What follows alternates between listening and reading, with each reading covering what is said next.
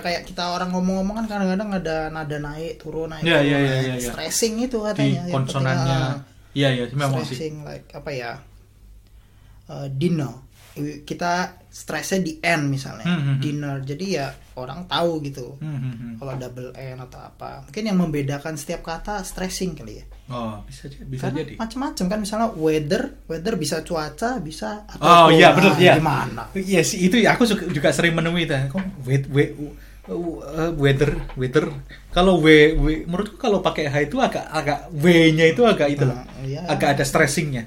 Ya kalau ya itu sih. tapi pronunciation juga misalnya like Hmm. like itu misalnya American like Iya. terus kalau orang Australia itu like-nya tuh I-nya kayak ngomong oil jadi like Iya.